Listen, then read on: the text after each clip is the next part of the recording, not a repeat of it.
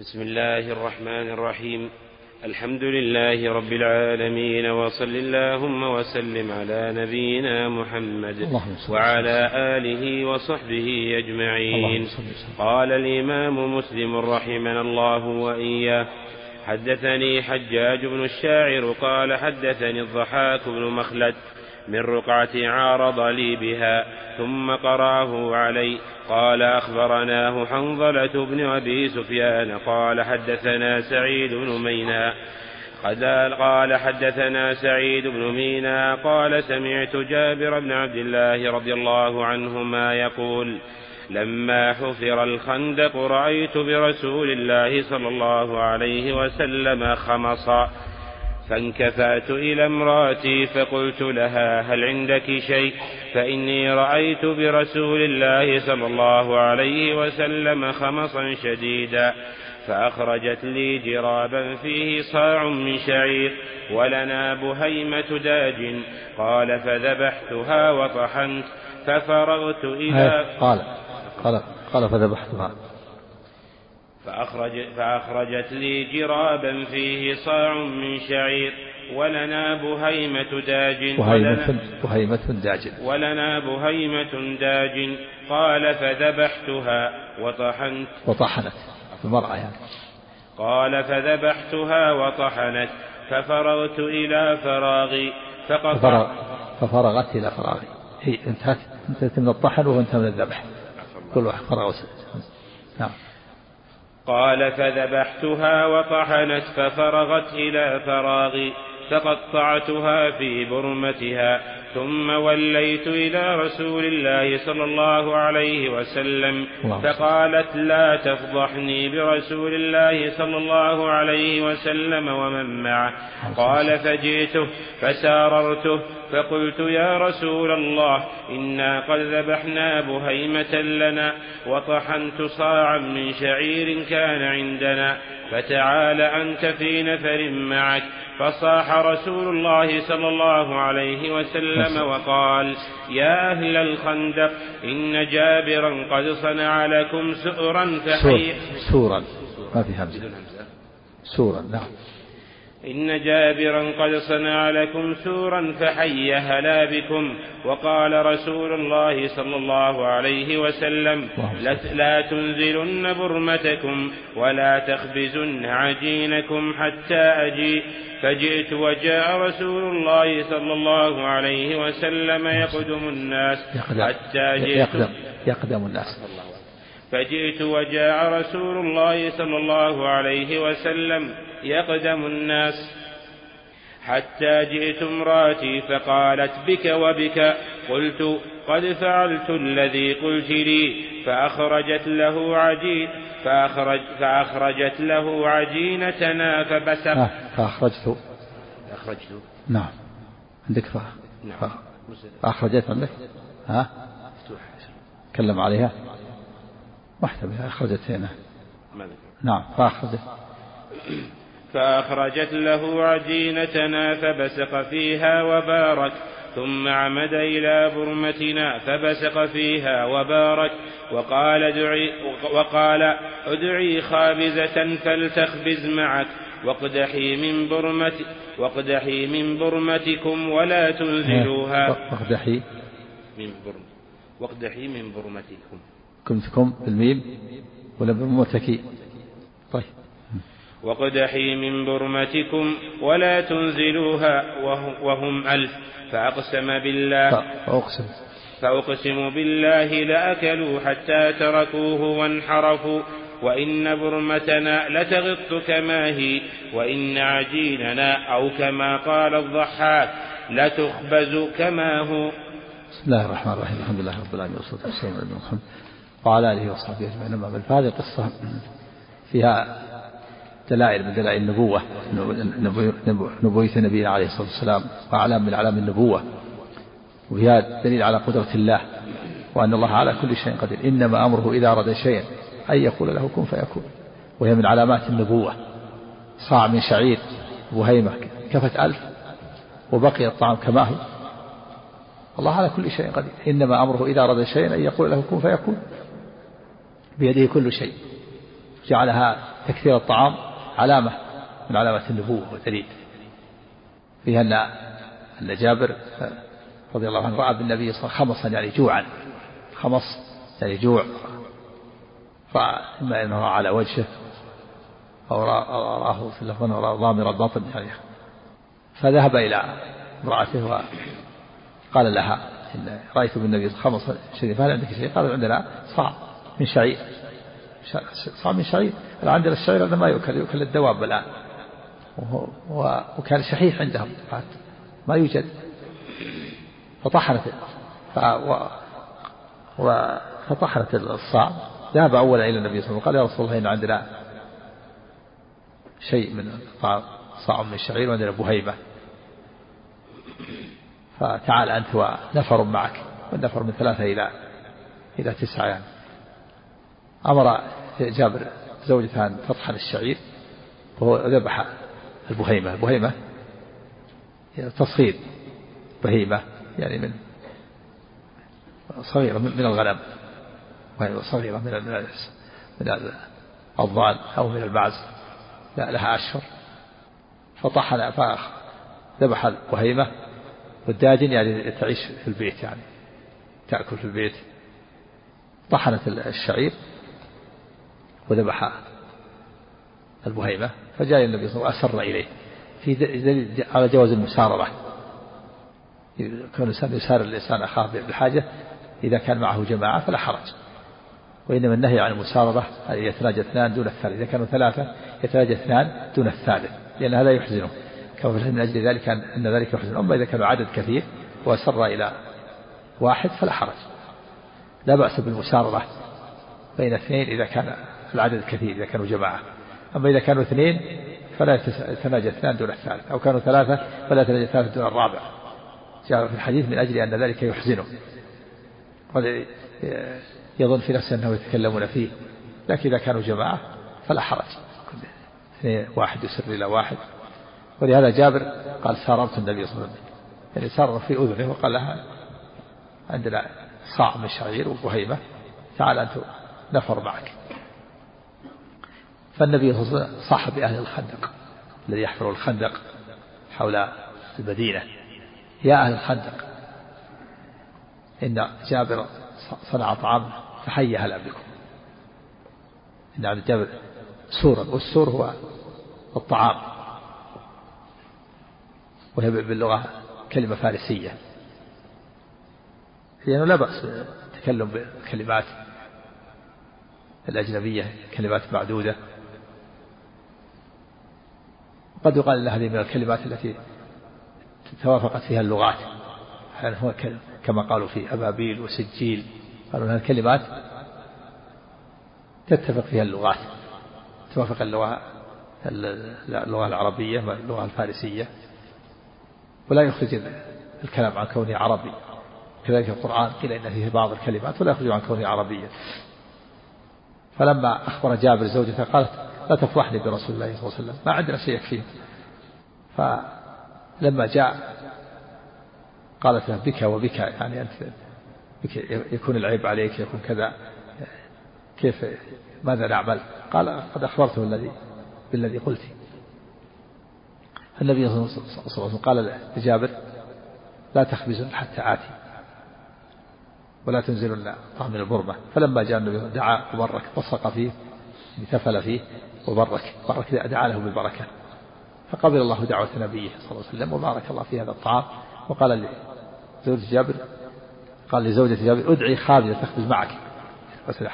تعب. سيبارك الله في هذا الطعام ويحتاج إلى خابزات تخبز. الواحدة تتعب تحتاج إلى ساعة ساعة تخبز. فدعت خابزة وقال اقدحي.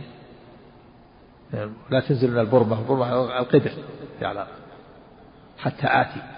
فجاء النبي صلى الله عليه وسلم ووثق فيه دعا تفل وبرك.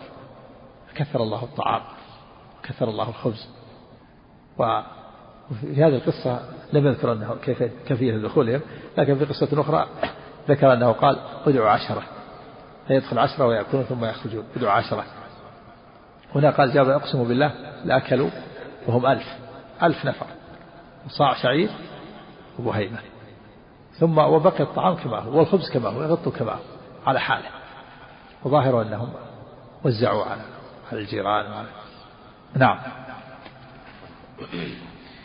وحدثنا يحيى بن يحيى قال قرأت على مالك بن أنس رضي الله على مالك بن أنس عن إسحاق بن عبد الله بن أبي طلحة أنه سمع أنس بن مالك رضي الله عنه يقول قال أبو طلحة لأم سليم قد سمعت صوت رسول الله صلى الله عليه وسلم ضعيفا أعرف فيه الجوع فهل عندك من شيء؟ فقالت نعم فأخرج فأخرجت أقراصا من شعير.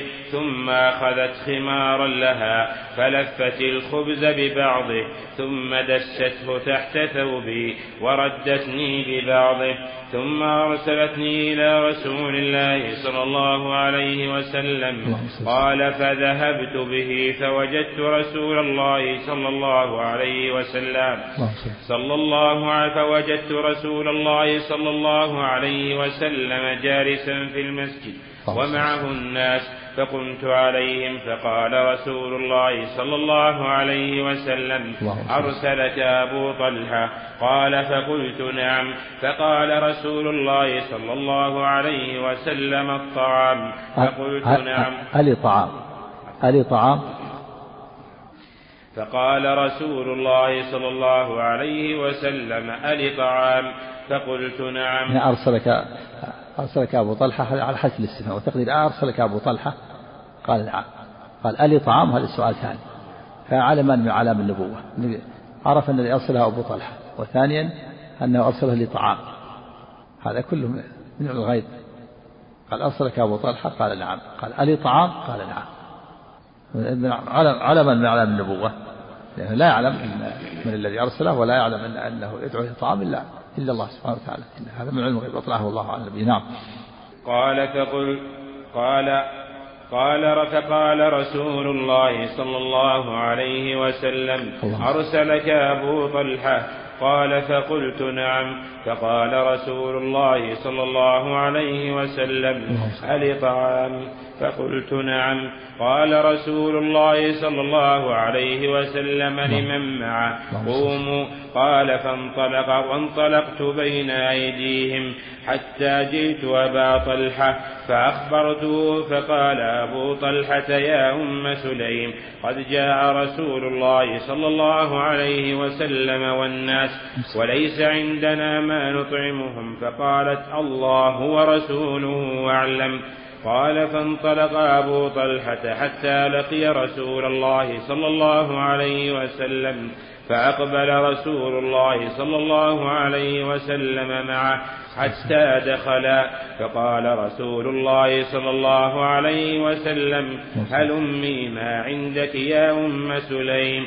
فأتت بذلك الخبز فأمر به رسول الله صلى الله عليه وسلم ففت. وعصرت عليه أم, أم سليم عكة لها فأدمت فأدمت نعم. ثم قال فيه رسول الله يقول فأدمت ويقول فآدمت. من بدء القصر يعني جعلت عليه إداما عصرت عكا من سم فآدمته يعني تأدم صار جعلت فيه إداما نعم. آدمته أو أدمته. نعم. وعصرت عليه أم سليم عكة لها فآدمت. ثم قال فيه رسول الله صلى الله عليه وسلم ما شاء الله أن يقول. يعني التبريك والدعاء. قال فيما شاء أن يقول يعني دعا وبرك نعم. ثم قال ائذن لعشرة. ائذن لعشرة فأذن لهم فأكلوا حتى شبعوا ثم خرجوا ثم قال ائذن لعشرة فأذن لهم فأكلوا حتى شبعوا ثم خرجوا ثم قال ائذن لعشرة حتى أكل القوم كلهم وشبعوا والقوم سبعون رجلا أو ثمانون. نعم وهذه هذه القصة فيها أيضا عالم من عالم النبوة تكثير الطعام. وتكثير الطعام حصل النبي صلى الله عليه وسلم مرات متعددة كما في قصة جابر وفي هذه القصة.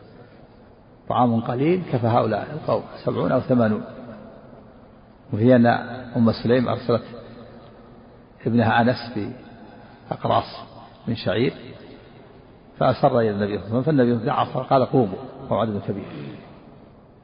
فلما أخبر أبو طلحة قال أبو طلحة لأم سلم جاء رسول بالناس فقالت أم سلم الله ورسوله أعلم. هذا يدل على فقهها. و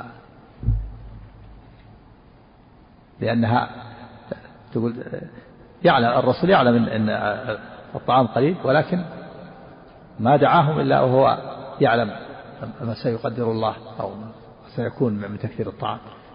وفي دليل على أنه يقال في حياة النبي صلى الله عليه وسلم الله ورسوله أعلم لأن الرسول صلى الله عليه وسلم ينزل عليه الوحي. أما بعد مماته فيقال الله أعلم. من ذلك حديث معاذ بن جبل. قال يا معاذ قال له أتدري ما حق الله على العباد؟ قلت الله ورسوله أعلم. في حياته يقال الله ورسوله أعلم. أما بعد وفاته فيقال الله أعلم لأنه لا يعلم الغيب عليه الصلاة والسلام ولا يدري ماذا ماذا يحصل على أمته. ففي حياته في حياته يقال الله ورسوله أعلم وبعد ماته يقال الله أعلم. نعم. وحدثنا أبو بكر بن أبي شيبة قال حدثنا عبد الله بن وهي أن أبا طلحة تقدم القوم. تقدمهم أقبل لما جاء النبي أقبل أبو طلحة تقدمهم في المشروع يعني استقبال الضيوف وترحيب بهم. نعم. قال حدثنا أبو بكر بن أبي شيبة قال حدثنا عبد وهي أنه قال إذا لعشرة إذا لعشرة لأن ما البيت ما يتسع لهم. يدخلون على عشرة عشرة يدخل عشرة ويأكلون ثم ينصرفون ويدخل عشرة وهكذا. على عشرة عشرة. بيوت بيوت صغيرة وغرف صغيرة ما مثل بيوتنا الآن الناس توسعوا. وصار مجالس واسعة وحدائق و... كانت البيوت صغيرة ولا تتسع. ولهذا قال إذن لعشرة. ولأن كذلك أيضا حتى يستديرون على المكان كل عشرة يكون دائرة. على عشرة عشرة. ثم يخرجون ويدخل عشرة وهكذا. نعم. هل يقال أن في الفقه في الدين يقال الله ورسوله أعلم وفي غيره يقال الله أعلم؟ مثل ما سمعت. بعد وفاته الله أعلم. نعم. في الفقه وفي غير الفقه. نعم. حدثنا أبو بكر بن أبي شيبة قال حدثنا عبد الله بن نمير حاء وحدثنا ابن نمير واللفظ له قال حدثنا أبي قال حدثنا سعد بن سعيد قال حدثني أنس بن مالك رضي الله عنه قال بعثني أبو طلحة رضي الله عنه إلى رسول الله صلى الله عليه وسلم ليدعوه. وقد جعل طعاما. قال فأقبلت ورسول الله صلى الله عليه وسلم مع الناس. فنظر إلي فاستحييت فقلت أجب أبا طلحة فقال للناس قوموا فقال أبو طلحة يا رسول الله إنما صنعت لك شيئا. قال فمسها رسول الله صلى الله عليه وسلم. إنما صنعت لك شيئا يعني قليلا ما يكفي العدد الكثير. نعم. إنما صنعت لك شيئا. قال فمسها رسول الله صلى الله عليه وسلم ودعا فيها بالبركة. ثم قال ثم قال أدخل نفرا من أصحابي عشرة. وقال كلوا وأخرج لهم شيئا من بين أصابعه فأكلوا حتى شبعوا فخرجوا فقال أدخل عشرة فأكلوا حتى شبعوا فما زال يدخل فما زال يدخل عشرة ويخرج عشرة حتى لم يبق منهم أحد إلا دخل فأكل حتى شبع ثم هياها فإذا هي مثلها حين أكلوا منها الله. هذا من علامات النبوة ومن دلائل قدرة الله وأن الله على كل شيء قدير. تكثير الطعام. في النبي صلى الله عليه وسلم مسها ودعا دعا بالبركة فقبل الله دعوة نبيه وبارك في هذا الطعام. وضع شيء بين أصابعه. وفيه أن أنهم أكلوا كلهم وبقي الطعام كما هو على حاله. ما كان أكل منه. نعم. وحدثنا سعيد بن يحيى الأموي قال حدثني أبي قال حدثنا سعد بن سعيد قال سمعت أنس بن مالك رضي الله عنه قال بعثني أبو طلحة رضي الله عنه إلى رسول الله صلى الله عليه وسلم. وساق الحديث بنحو حديث ابن نمير غير أنه قال في آخره ثم أخذ ما بقي فجمعه ثم دعا فيه بالبركة قال فعاد كما كان فقال دونكم هذا. وحدثني عمرو الناقد. يعني دونكم يعني خذوه دونكم اسم فعل بمعنى خذوه يعني وزعوه على من حولكم. نعم.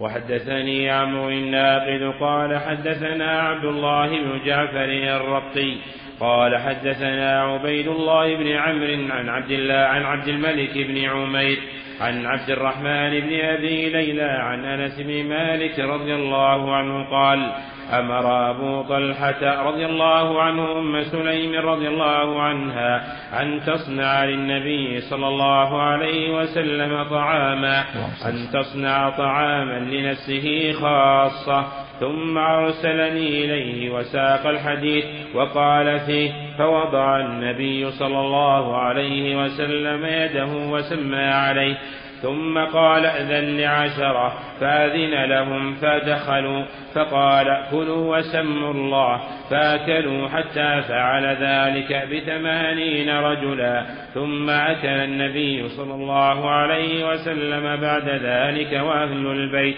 وسم وسموا وسم سمعوا. بالفتح كذا وسموا وتركوا سؤرا. الله أكبر. هذا في في أن النبي صلى الله عليه وسلم أنه دعا النبي صلى الله عليه وسلم لنفسه خاصة. قال الله عليه وسلم يكفيك فدعا ثمانين. وفي أنه قال إلى العشرة كلوا وسموا بشرعية التسمية عند الطعام. وفيه النبي صلى الله عليه وسلم أكل بعد الثمانين هو الآخر وأهل البيت وبقي بقية. هذا طعام مدعو للنبي صلى الله عليه وسلم نفر واحد. كفى ثمانين وبقي كما كان والنبي صلى الله عليه وسلم أكل هو بعده بعد الثمانين. وأكل أهل البيت وبقي أيضا بقية بقي سؤرا يعني بقية من الطعام. هذا من علامات النبوة ومن دلائل قدرة الله. نعم. قول النبي صلى الله عليه وسلم كلوا وسموا. هل فيه دلالة على مشروعية تذكير الناس؟ نعم. إيه سموا. الآن الناس الآن الناس يقول سموا. هذا طيب هذا من السنة. نعم. وحدثنا عبد بن حميد قال حدثنا عبد الله بن مسلمة قال حدثنا عبد العزيز بن محمد عن عمرو بن يحيى عن أبيه عن أنس بن مالك رضي الله عنه بهذه القصة في طعام أبي طلحة رضي الله عنه عن النبي صلى الله عليه وسلم وقال فيه فقام أبو طلحة على الباب حتى أتى رسول الله صلى الله عليه وسلم فقال له يا رسول الله إنما كان شيء يسير قال هلمه فإن الله تعالى سيجعل فيه البركة. الله. وحدثنا عبد بن حميد قال حدثنا خالد بن مخلد البجلي قال حدثنا محمد بن موسى قال حدثني عبد الله بن عبد الله بن أبي طلحة عن أنس بن مالك رضي الله عنه عن النبي صلى الله عليه وسلم بهذا الحديث وقال فيه ثم أكل رسول الله صلى الله عليه وسلم وأكل أهل البيت وأفضلوا ما أبلغوا جيرانهم. يعني بقي بقية وزعت على الجيران بعد بعد العدد الكثير. الله أكبر. نعم. وحدثنا الحسن بن علي الحلواني قال حدثنا وهب بن جرير قال حدثنا أبي قال سمعت جرير بن زيد يحدث عن عمرو بن عبد الله بن أبي طلحة عن أنس بن مالك رضي الله عنه قال رأى أبو طلحة رضي الله عنه رسول الله صلى الله عليه وسلم مضطجعا مضطجعا في المسجد ينقلب ظهرا لبطن. ينقلب؟ يتقلب. نعم. قال رأى أبو طلحة رسول الله صلى الله عليه وسلم مضطجعا في المسجد يتقلب ظهرا لبطن فأتى أم سليم فقال إني رأيت رسول الله صلى الله عليه وسلم مضطجعا في المسجد يتقلب ظهرا لبطن وأظنه جائعا وساق الحديث وقال فيه ثم أكل رسول الله صلى الله عليه وسلم وأبو طلحة وأم سليم وأم سليم وأنس بن مالك وفضلت فضله فأهديناها لجيراننا. نعم في وفيها النبي صلى الله عليه وسلم يصيبه الشدة والجوع كغيره والحر والبرد والأمراض والأسقام ودليل على أنه ليس بإله يعبد ولكنه نبي كريم يطاع ويتبع. ولو كان إلها لما أصابها النقص فالإله كامل لا يلحق نقص ولا يحتاج إلى أحد. الإله لا يحتاج إلى أحد. منزه عن الأمراض والأسقام والحاجة إلى الطعام والشراب. دل على أن أن نبي الله صلى الله عليه وسلم بشر. ليس إله يعبد. يجوع يصيبه الجوع يصيبه الحر والبرد والأمراض والأسقام والهزيمة في غزوة أحد. سقط على في حفرة وكسرت رباعيته وشج وجهه عليه الصلاة والسلام دل على أنه نبي كريم يطاع ولا يعبد. العبادة حق الله. وفي دليل على أن الدنيا لا تساوي شيئا عند الله. ولو كانت تساوي عند الله جناح كما في الحديث ما سقى كافر منها شربة ماء لو كانت الدنيا مقياس لا أتاها النبي الله النبي صلى الله عليه وسلم. ولكن الدنيا كما كما في الحديث يعطي الله الدنيا من يحب ومن لا يحب ولا يعطي الدين إلا من يحب. فمن أعطاه الدين فقد أحبه. دل على أن الدنيا أن الأخيار قد تصيبهم الشدائد والمحن. وفي الحديث أشد الناس بلاء الأنبياء ثم الأمثل فالأمثل يبتلى الناس على قدر دينه. وما والنبي صلى الله عليه وسلم حصل له الكمال في هذا. فهو يتقلب أحيانا الجوع والشبع فإذا جاع صبر وتضرع إلى الله وإذا شبع حمد الله وشكره. يحصل له جميع الأحوال عليه الصلاة والسلام. وفي عناية الصحابة بالنبي صلى الله عليه وسلم وملاحظتهم له. قال أبو ذر رأيت النبي صلى الله عليه وسلم يتقلب ظهرا على بطن وأظنه جاء عليه الصلاة والسلام. نعم. والصحابة قد لا يعلمون هذا ويخفي هذا عنه عليه الصلاة والسلام. نعم. وحدثني حرملة بن يحيى التجيبي التجيبي. نعم. وحدثني حرملة بن يحيى التجيبي. قال حدثنا عبد الله بن وهب. قال أخبرني أسامة أن يعقوب بن عبد الله بن أبي طلحة الأنصاري حدثه أنه سمع أنس بن مالك رضي الله عنه يقول جئت رسول الله صلى الله عليه وسلم يوما فوجدته جالسا مع أصحابه يحدثهم وقد عصب بطنه بعصابة قال أسامة وأنا أشك على حجر. فقلت لبعض أصحابه لم عصب رسول الله صلى الله عليه وسلم بطنه؟ فقالوا من الجوع. فذهبت إلى أبي طلحة وهو, وهو زوج وهو زوج أم سليم بنت ملحان فقلت يا أبتاه قد رأيت رسول الله صلى الله عليه وسلم عصب بطنه بعصابة فسألت بعض أصحابي فقالوا من الجوع فدخل أبو طلحة على أمي فقال هل من شيء؟ فقالت نعم عندي كسر من خبز كسر. كسر. يعني جمع كسرة. كسر من الخبز نعم. فقال هل من شيء؟ فقالت نعم عندي كسر من خبز وتمرات فإن جاءنا رسول الله فإن جاءنا رسول الله صلى الله عليه وسلم وحده واشبعنا وإن جاء آخر معه قل عنهم ثم ذكر سائر الحديث بقصته. نعم كان أنس صغير ما يدري. يسأل الصحابة يقول لماذا الرسول صلى الله عليه وسلم عصى؟ عصب بطنه لأنه صغير السن ليس بكبير. لما قدم النبي صلى المدينة هو من عشر سنين. فذهب إلى أبي طلحة وقال يا أبتاه هو زوج أمه. قالت يا أبتاه لأنه بمنزلة الوالد. نعم. نعم. إيه. نعم. ها؟ إذا قال يا أبتاه من باب يعني التكريم له لا لا حرج. العم بمنزلة الوالد. نعم. وحدثني حجاج بن الشاعر قال حدثنا يونس بن محمد قال حدثنا حرب بن ميمون عن النضر بن أنس عن أنس بن مالك رضي الله عنه عن النبي صلى الله عليه وسلم في طعام أبي طلحة نحو حديثهم. وحدثنا قتيبة بن سعيد عن مالك بن أنس فيما قرئ عليه عن إسحاق بن عبد الله بن أبي طلحة أنه سمع أنس بن مالك رضي الله عنه يقول إن خياطا دعا رسول الله صلى الله عليه وسلم لطعام صنعه قال أنس بن مالك رضي الله عنه فذهبت مع رسول الله صلى الله عليه وسلم إلى ذلك الطعام فقرب إلى رسول الله صلى الله عليه وسلم خبزا من شعير ومرقا فيه دباء وقديد. قال أنس فرأيت رسول الله صلى الله عليه وسلم يتتبع الدباء من حوالي من حوالي الصفحة قال فلم أزل أحب الدباء منذ يومئذ. قال حدثنا محمد بن العلاء أبو كريب. قال حدثنا أبو سامة عن سليمان بن المغيرة عن ثابت عن أنس رضي الله عنه قال دعا رسول الله صلى الله عليه وسلم رجل فانطلقت معه فجيء بمرقة فيها دباء فجعل رسول الله صلى الله عليه وسلم يأكل من ذلك الدباء يأكل من ذلك الدباء ويعجبه. قال فلما رأيت ذلك جعلت ألقيه إليه ولا أطعمه.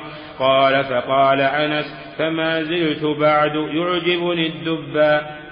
قال وحدثني حجاج بن الشاعر وعبد بن حميد جميعا عن عبد الرزاق قال أخبرنا معمر عن ثابت البناني وعاصم الأحول عن أنس بن مالك رضي الله عنه أن رجلا خياطا دعا رسول الله صلى الله عليه وسلم وزاد قال ثابت فسمعت أنسا يقول فما فما صنع لي طعام بعد أقدر على أن يصنع في دباء إلا صنع. وفيه مشروعية إجابة الدعوة. حيث وجبنا دعوة الخياط لما فيها من التأليف و وفي لما فيه من الألفة وأسباب المحبة. إلا إذا كان هناك مانع فإنه يعتذر. يشرع إجابة الدعوة. اختلف العلماء هل الدعوة واجبة أو مستحبة. مشهور عند الجمهور أن دعوة العرس هي الواجبة وما عداه فهو مستحبة. ولكن ظاهر الأدلة العموم. ولكن إذا كان عليه مشقة يعتذر. وفيه أن هذا الرجل دعا النبي خياط في دليل على أن مهنة الخياطة مهنة شريفة. وكذلك جميع المهن مثل الجزارة الحداد والنجار في أنه لا بأس أن يكون له مهنة ينبغي أن يكون له مهنة. كل عمل جزار خياط جزارة والنجارة والحدادة والتجارة والزراعة. وجاء الآن المهن الجديدة. يكون مثلا آه، سباك يكون كهربائي يكون مبلط يكون دحان كل هذه مهن يكسب منها الإنسان ما وفيه أن النبي كان يحب الدبع كان أنس قال وهو القرع. كان الدب كان يقول ما زلت أحب الدبع منذ يومئذ.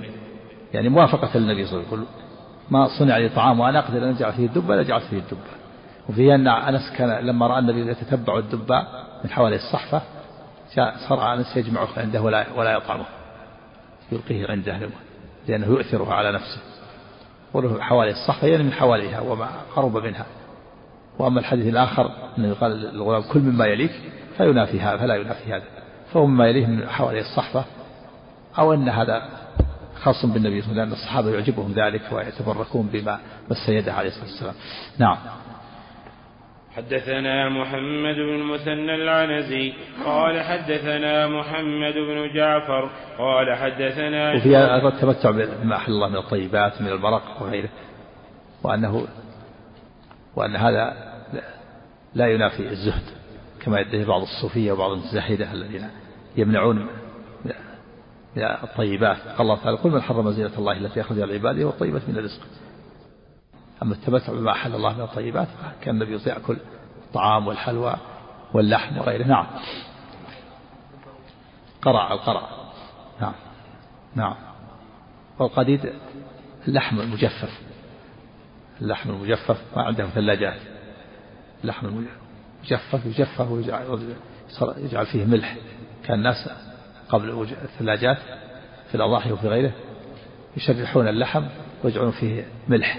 يجلس مدة طويلة. يغسل ويقطع قطع يأكل منه مدة لأن الملح يحفظه من الفساد. نعم.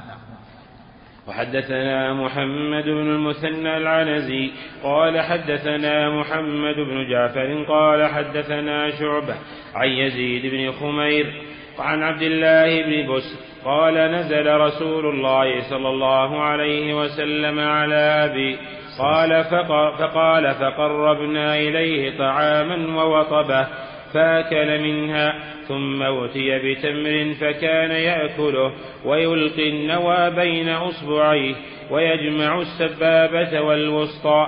قال شعبة هو ظني وهو فيه إن شاء الله. إلقاء النوى بين الإصبعين. ثم أتي بشراب فشربه.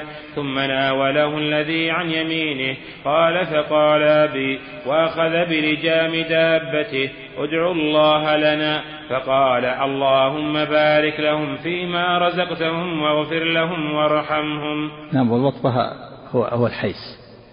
والحيس هو التمر والأقط والسم. كما قال التمر والحيس والأقط هو التمر إلا أنه لم يختلط. تمر برني وعقد مدقوق وسم يخلط يسمى حيس. هذا الوطبة وفي أنه جعل يجمع النوى بين أصابعه بين أصبع السبب والوصل لأنه قليل. والحيس هو التمر والأقط والسم. كما قال التمر والحيس والأقط هو التمر إلا أنه لم يختلط. تمر برني وعقد مدقوق وسم يخلط يسمى حيس هذا الوطبة. وفي, أنه جعل يجمع النوى بين أصابعه بين أصبع السبب والوصل لأنه قليل. ما ما وضعه مع التمر. وفي أنه طلب منه يدعو له. دعا له بالبركة. اللهم بارك لهم في طعامهم. شوية الدعاء للضيف أو طعام بعد من الطعام. نعم. لا يدل عفى الله عنك أن إلقاء النوى يكون بهذه الطريقة يكون سنة؟ لا ألقاه يجمعه يجمعه يجمعه لأنه قليل. نعم. عفى الله عنك. وحدثنا محمد بن بشار قال حدثنا ابن أبي عدي حام وحدثني محمد بن المثنى قال حدثنا يحيى بن حماد كلاهما عن شعبة بهذا الإسناد ولم يشك في إلقاء النوى بين الإصبعين. نعم. وحدثنا يحيى بن يحيى التميمي وعبد الله بن عون الهلالي قال يحيى أخبرنا وقال ابن عون حدثنا حدثنا إبراهيم بن سعد عن أبيه عن عبد الله بن جعفر قال عن عبد الله بن جعفر رضي الله عنه قال رأيت رسول الله صلى الله عليه وسلم يأكل القثاء بالرطب. نعم لا بأس القثة بالرطب والقثة الخيار الرطب. لا بأس بأكل القثة مع الرطب وفي لا بأس بأكل طعامين في وقت, في وقت واحد. وذلك أن القثة وهو الخيار بارد والتمر حار. في لفظ يكسر حر هذا برد هذا. يكسر برد هذا حر هذا. فيتعادلان. نعم. وحدثنا أبو بكر بن أبي شيبة وأبو سعيد الأشج كلاهما عن حفص قال أبو بكر حدثنا حفص بن غياث عن مصعب بن سليم عن مصعب بن سليم قال حدثنا أنس بن مالك رضي الله عنه قال رأيت النبي صلى الله عليه وسلم مقعيا يأكل تمرا. وحدثنا المقعي هو الذي هو الذي نصب جلس على يديه ونصب ساقيه. يعني مستعجل. يجلس على يديه وينصب ساقيه. نعم غير متمكن نعم نعم وحدثنا زهير بن حرب وابن أبي عمر جميعا عن سفيان. قال ابن أبي عمر قال حدثنا سفيان بن عيينة عن مصعب بن سليم عن أنس رضي الله عنه قال أتي النبي صلى الله عليه وسلم بتمر فجعل النبي صلى الله عليه وسلم يقسمه وهو محتفز يأكل منه أكلا ذريعا. وفي رواية زهير وفي رواية زهير أكلا حثيثا. نعم محتفز أو مستوفز يعني غير متمكن غير متمكن في جلوسه مستعجل مثل ما مثل ما سبق. يكون يعني غير متمكن جالس على اليتيه ناصب ساقيه نعم. محتفز أو مستوفز متقارب نعم. وحدثنا محمد بن المثنى قال حدثنا محمد بن جعفر قال حدثنا شعبة قال سمعت جبلة بن سحيم قال كان ابن الزبير يرزقنا التمر قال وقد كان أصاب الناس يومئذ جهد وكنا ناكل فيمر علينا ابن عمر رضي الله عنهما ونحن ناكل فيقول لا تقارنوا فإن رسول الله صلى الله عليه وسلم نهى عن الإقران إلا أن, إلا أن يستأذن الرجل أخاه. قال شعبة لا أرى هذه الكلمة إلا من كلمة ابن عمر يعني الاستئذان.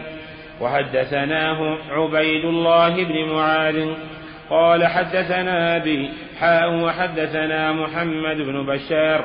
قال حدثنا عبد الرحمن بن مهدي كلاهما عن شعبة بهذا الإسناد وليس في حديثه ما قول شعبة ولا قوله وقد كان أصاب الناس يومئذ جهد وحدثني زهير بن حرب ومحمد بن المثنى قال حدثنا عبد الرحمن عن سفيان عن جبلة بن سحيم قال سمعت ابن عمر رضي الله عنهما يقول نهى رسول الله صلى الله عليه وسلم أن يقرن الرجل أن يقرن الرجل بين التمرتين حتى يستأذن أصحابه.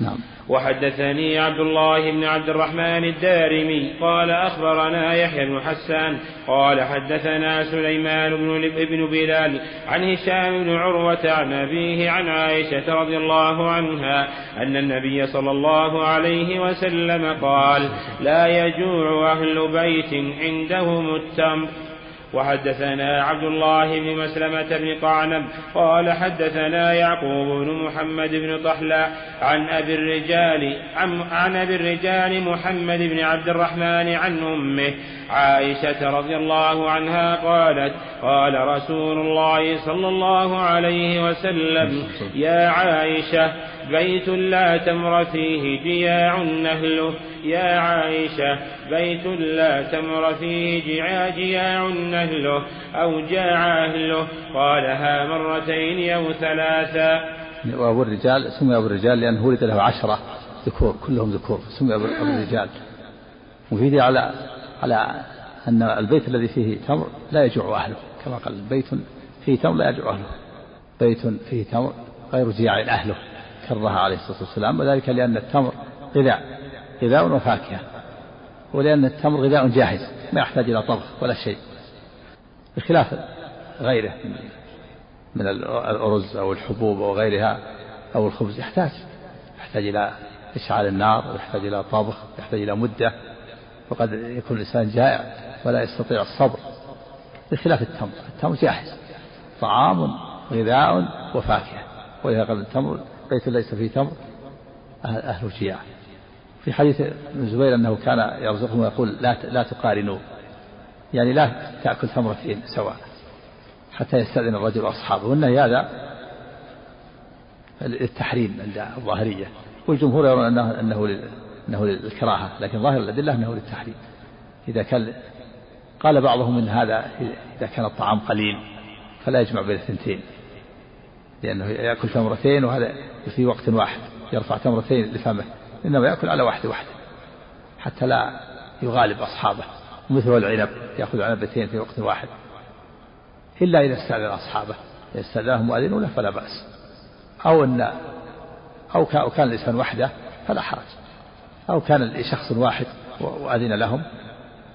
أما فلا ينبغي الإنسان أن يأكل اثنتين في وقت واحد. ويأكل على واحدة واحدة حتى لا يغالب أصحابه حتى يتساوى معهم. نعم. سم نعم سم.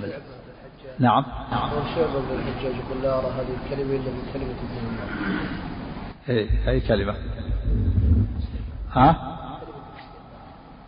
لا لا ثابتة. نعم سم. إذا الله إليك إذا كان الإنسان الآن يفعل مثلا يأكل الدب وقت تأسيا للنبي صلى الله عليه وسلم. هل يؤجر محبة لذلك ومحبة لفعله؟ أنس كأنه رأى هذا. أنس يقول أنا يحب ما يحب النبي صلى الله عليه وسلم. على كل حال هذا هذه من الأمور العادية. لكن إذا فعله لا بأس. يعني نقول بأنها سنة قد الله أعلم. هذه من الأمور العادية. هي من ما هي من التشريع. نعم. لأنه قد يكون الإنسان ما يميل إلى هذا. قد النفوس قد يمكن بعض الناس ما يحب الدبة كما كان النبي لا يأكل الضب. قال أجدني عافه فأكل خالد بن الوليد وصار نعم. فلا يقال ترك الضب مثلا من السنة لا. نعم. سم الله